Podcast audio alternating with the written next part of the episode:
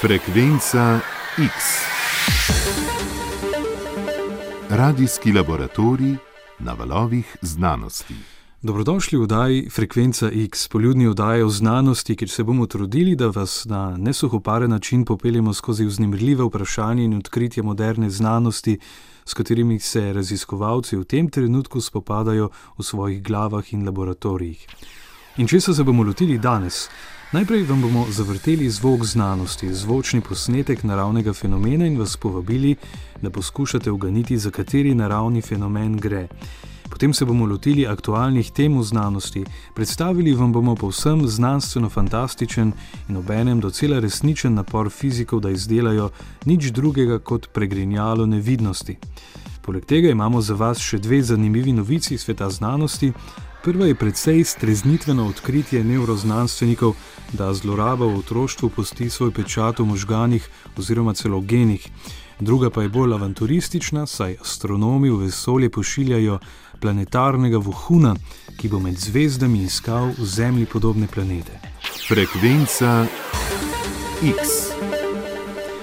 In tole je današnji zvok. Prosimo, da vaših radijskih sprejemnikov nimate preveč na glas, ker je zvok malce zoprn.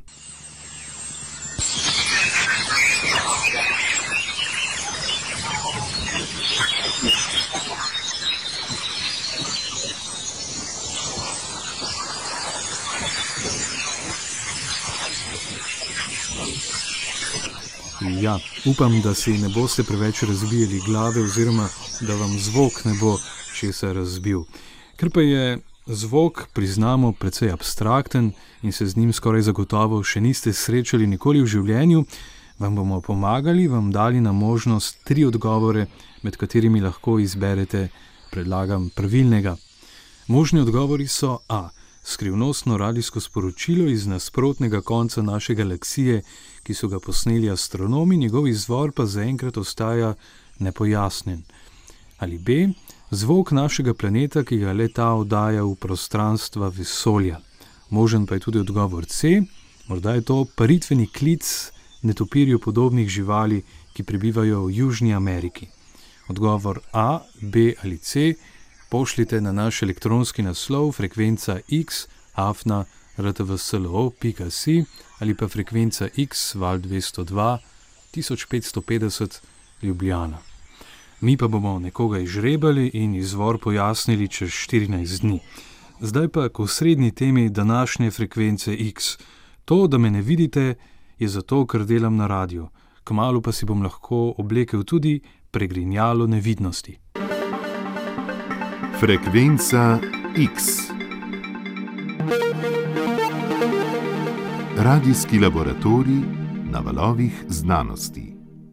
V pravljicah in drugih fantazijskih pripovedih redno nastopajo magični pripomočki, kot je slavno pregrinjalo nevidnosti. Oseba, ki se pokrije s takšnim pregrinjalom, postane očem nevidna. V pravljicah se to že sliši čisto ok, v vsakdanjem življenju pa je to čista znanstvena fantastika. Pa je to res? Da se sliši še tako neverjetno, fiziki so v zadnjih nekaj letih pravzaprav prišli do ideje, da je takšno pregrinjalo dejansko mogoče. Še več. Izdelali so tudi že nekaj prototipov, ki sicer ne izgledajo kot prt vaše mame, ampak so nenavadni kovinski umotvori, imenovani metamateriali. Metamateriali imajo blazno neobičajno lastnost. Svetlobo upognejo v napačno smer. Napačno v tem smislu, da jo upognejo v nasprotno smer kot vse snovi, ki jih najdemo v naravi. Najbolj vsakdanji primer je vsem poznana voda. Ko svetloba iz zraka vstopi v vodo, se ukloni oziroma rahlo spremeni smer. Zaradi tega ribo v vodi vidimo vedno bliže površju kot v resnici je. Fiziki pravijo, da imajo takšne snovi pozitivni lomni količnik. V naravi najdemo torej samo takšne snovi, ki imajo, tako kot voda, pozitivni lomni količnik. Če pa bi recimo gledali ribo v akvariju s tekočino z negativnim lomnim količnikom, bi jo videli plavati v zraku nad akvarijem. Ampak nihče nikoli ni našel snovi, ki bi imela negativni lomni količnik, Zato so fiziki dolgo časa verjeli, da snovi s takšno lastnostjo preprosto ne obstajajo. A so se zmotili. Pred nekaj leti se je izkazalo, da lahko iz nanomaterialov v laboratoriju izdelajo posebne snovi, ki imajo prav to lastnost: negativni lomni količnik in upognejo svetlobo v napačno smer. Enega prvih takšnih metamaterialov je leta 2006 izumil ameriški fizik David Smith z Univerze Duke. Ko pa imaš enkrat v rokah metamaterial, ki odbija svetlobo v napačno smer, lahko začneš razmišljati o zanimivih stvarih. Izkaže se, da je mogoče s takšnim materialom svetlobo usmerjati na tak način, da ustvariš fantastične efekte, kot je nevidnost. Fiziki so v svojih laboratorijih v zadnjih nekaj letih že izdelali celo vrsto metamaterialov, vendar pa bodo morali za pravcati plašč nevidnosti še premostiti nekaj ovir. Da metamaterial deluje na svetlobo, mora biti njegova struktura takšna, da so elementi, ki ga sestavljajo, manjši od valovne dolžine svetlobe. In ker ima vidna svetloba valovno dolžino samo okrog polovico mikrometra, to je manj kot tisočinka milimetra, oziroma bolj po domače okrog stokrat manj od debeline človeškega lasu, si ni težko predstavljati, da takšen material ni tako preprosto izdelati. Zato so bili fiziki zaenkrat bolj uspešni pri izdelavi metamaterialov, ki delujejo pri večjih valovnih dolžinah v območju infrardeče svetlobe in mikrovalov. No, da poteka razvoj metamaterialov z bliskovito hitrostjo, so pokazali raziskovalci lansko poletje, ko so prvič izdelali metamateriale, ki delujejo tudi na vidno svetlobo. To je uspelo profesorju nanoznanosti Xiangu Džangu z Univerze Kalifornija v Berkeleyju. Ob svojem dosežku je profesor pomenljivo zapisal: Ta jasna in elegantna demonstracija krepi našo sposobnost, da oblikujemo in uprežemo svetlobo po naši lastni volji. Džangov izum je bil eden najbolj usupljivih znanstvenih dosežkov leta 2008. Nevidnost je verjetno najbolj usupljiv efekt metamaterialov vendar bi lahko z njimi počeli tudi druge uporabne stvari. Lahko bi naprimer izdelovali supermočne optične mikroskope, ki bi biologom omogočali pogled globoko v notranjost žive celice. To pa seveda še ni vse. Metamateriale raziskujemo tudi v Sloveniji. Odpravil sem se na institut Jožef Stefan v Ljubljani, kjer me je pozdravil profesor dr. Igor Muševič. Sam pojem metamaterialov se pojavi leta 1999 ime označuje posebno vrsto materijalov, ki imajo nenavadne optične lastnosti. Se pravi, nenavadne v tem smislu, da so povsem kontraintuitivne, oziroma tistemu, kar poznamo eh, iz optike že nekaj sto let. Sama ideja metamaterijalov je nastala že leta 1967 in sicer je ruski fizik Veselago objavil eno tako teoretično razpravo, kjer je obravnaval, eh, kako bi naredil eh, hipotetični material, ki bi imel negativni lomni kvocient. To je posebna fizikalna količina, lastnost, ki obravnava lom svetlobe na meji med dvema sredstvoma. Za te preproste lastnosti, no preproste, pa vendar ne navadne, sledi nekaj zanimivih aplikacij in sicer zelo aktiven je bil tu gospod Pendri, anglež, ki je leta 2000 objavil članek v Physical Review Letter, zelo eh, ugledni reviji o tako imenovani superleči. To je superleča, bi bila narejena iz metamateriala in njena posebna lastnost bi bila ta, da nima omejitev glede eh, ločljivosti. Se pravi, s tako lečo niste več omejeni na najmanjšo možno velikost gorišča, po domače povedano, ne, v katerem lahko zberete svetlobo. Ne. Seveda to vam predstavlja zelo zanimiv spekter aplikacij, recimo od eh, slikanja ali pa v polprivodniški industriji pri izdelavi mikrovezi. Ne.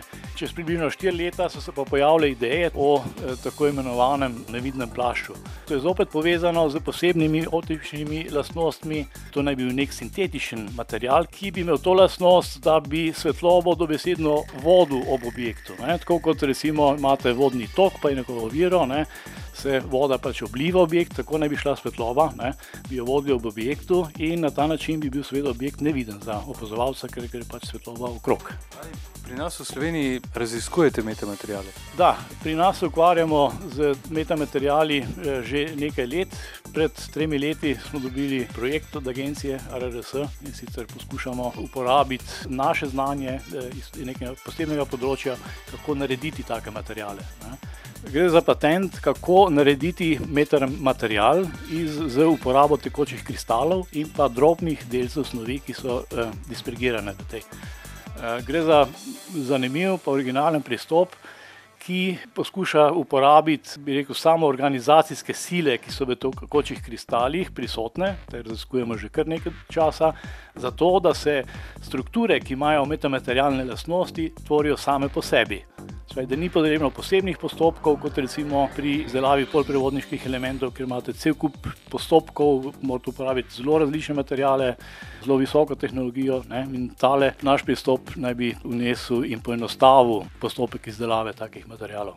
Tako je o metamaterijalih govoril profesor dr. Igor Muševič. Frekvenca X.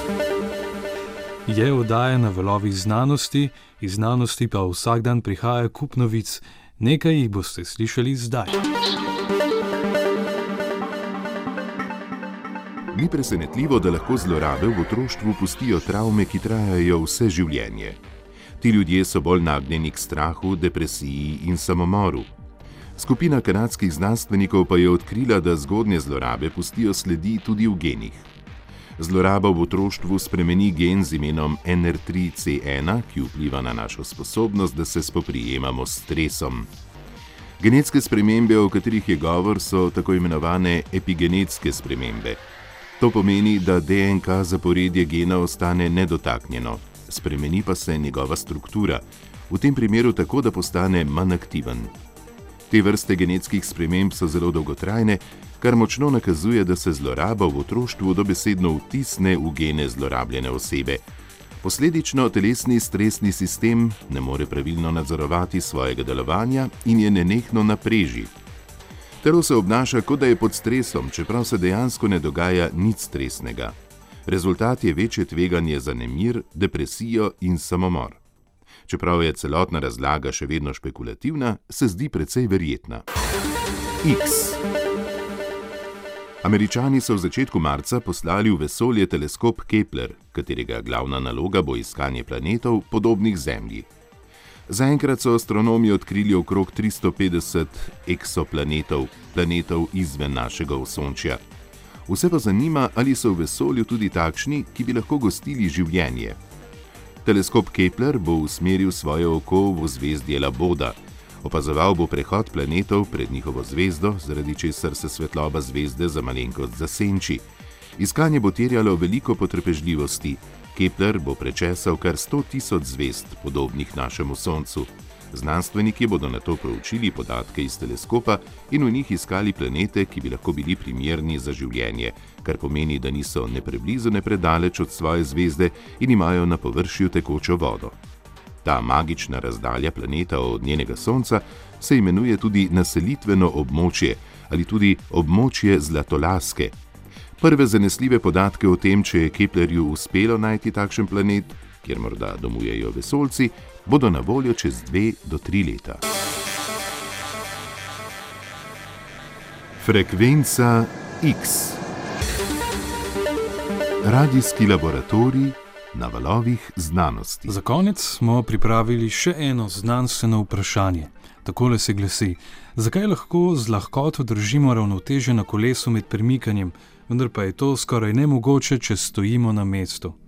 Pogost mit v zvezi s tem problemom je, da ima to opravka z giroskopskim efektom, kot pri vrtavki, ki se zvija, če jo močno zavrtimo, vendar obdrži ravnoteže. A pri vožnji s kolesom je stvar ravnotežja drugje. Obdržimo ga lahko, ker imamo med premikanjem nadzor, če mor mi pravimo krmiljanje, ki pa ga med mirovanjem ni več. Če se med vožnjo s kolesom nagnemo malo na levo, zakrmilimo v levo, če na desno, zakrmilimo na desno. S tem pripeljemo obe kolesi nazaj v središče gravitacije. Preprosto povedano, s krmiljenjem odpravimo nagibanje. Hitreje kot se vozimo, manjše popravke krmiljenja je potrebno narediti, preprosto zato, ker se kolo v določenem časovnem intervalu premakne mnogo dlje. Ko se vozimo zelo počasi, je potrebno delati velike popravke, ko pa smo čisto v primeru, tudi veliko obračanje krmila le malo pomaga. X. Slišali ste prvo oddajo frekvence X na valu 202, tudi za nas tokrat poskus. Če je uspel, pa bomo sklepali po kemični reakciji vas, poslušalcev. Lahko jih vtisnete v elektronski pošti na naslov frekvenca X, afna, rtvslo.si in mimo grede odgovorite tudi na nagradno vprašanje.